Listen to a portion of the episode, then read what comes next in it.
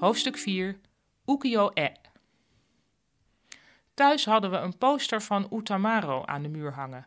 Utamaro was een 18e-eeuwse Japanse kunstenaar die houtsnedes maakte. In het Rijksprentenkabinet was een tentoonstelling van zijn werk geweest en daarvan hadden wij de poster. Er stond een mooie dame op en ik keek graag naar haar. We hadden ook een boek dat ukiyo-e heette.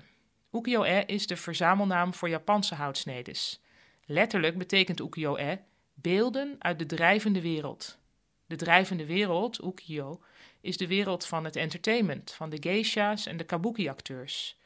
Het woord refereerde aan een echte plek, een flink eind buiten Tokio, waar alleen de rijken naartoe konden gaan om zich te laten entertainen. Maar Ukiyo was tegelijkertijd een fictieve plek.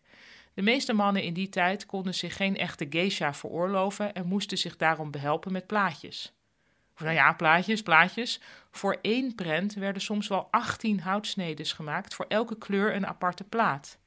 Die werden dan precies over elkaar afgedrukt en dan kreeg je een veelkleurige afbeelding. Van een scheelkijkende kabuki-acteur, een glimlachende geisha of een vissersbootje op een meer met de berg Fuji op de achtergrond. De overbekende grote golf bij Kanagawa van Hokusai is ook een ukiyo-e. Wat mij als kind in deze houtsnedes aansprak waren de duidelijke lijnen, de diepe kleuren en de onbekende sfeer.